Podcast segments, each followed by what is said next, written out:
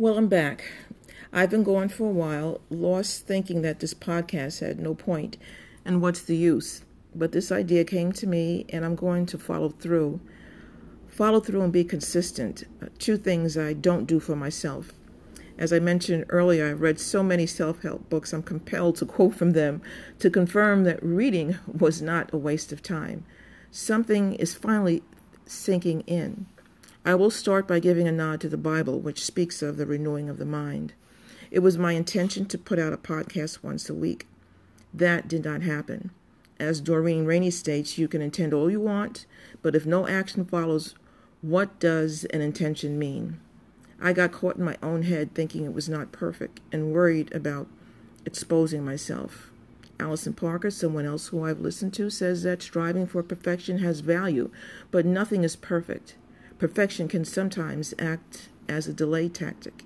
It can have you believing that you are working, but you are not putting anything out because it's not perfect. Put it out there, ready or not, and perfect along the way. I'm putting it out there. As Tony Robinson says, this is a pattern interrupter. Doing something unexpected in the midst of a situation. And people, I'm in the midst of a situation. I'm comparing my situation as being caught in a riptide. I looked around in my life and wondered how did I manage to drift so far away from my shore. So of course, drifted right into a riptide. A riptide for me can be any situation, person, place, or thing that threatens my very soul. I am determined not to be carried out further and pulled under, not to drown. People, right now, Through this podcast, becoming me is the only way to get free. I am swimming parallel to shore. That's the known way of breaking free of a riptide, not drowning. Recently, I had two events that confirmed I need to continue this work in becoming.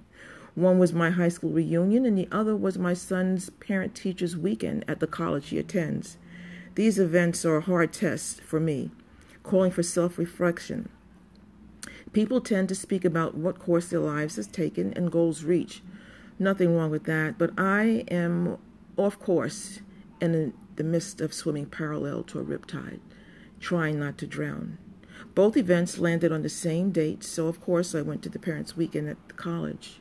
At these events, someone will eventually ask, "And what do you do?" I'm a good listener and interested in other people's lives, so I can dodge that question for a period of time. And when it comes to the point where I have to answer, I feel myself flailing in the waters, threatening to go under. What do you do? What did I do? I would like to answer, I did not drown. That's what I did. I am in a riptide. I am swimming parallel to shore, and I am not drowning. That's what I do. Later on, I went to attend an event at the home of a parent who lived in the area. The front of the house had a quiet elegance. The grounds generous, green, and manicured, gave evidence that over the years the right decisions were made. I imagine the owners, a couple with clear intention, plan in place, their shoreline intact. At that time, that's how it looked to me. Other parents made their way down the long driveway towards the door. Once inside, I knew the small talk would begin, small talk that would reveal accomplishments, positions, goals, reach, and a whole host of things that made of life. That's just the way small talk goes. The question of what do you do was waiting inside for me. I took a deep breath and walked through the open door. For the sake of the Wizard of Oz, the Velveteen Rabbit, and Woody and Jessie, I can tell you, I did not drown. See you later.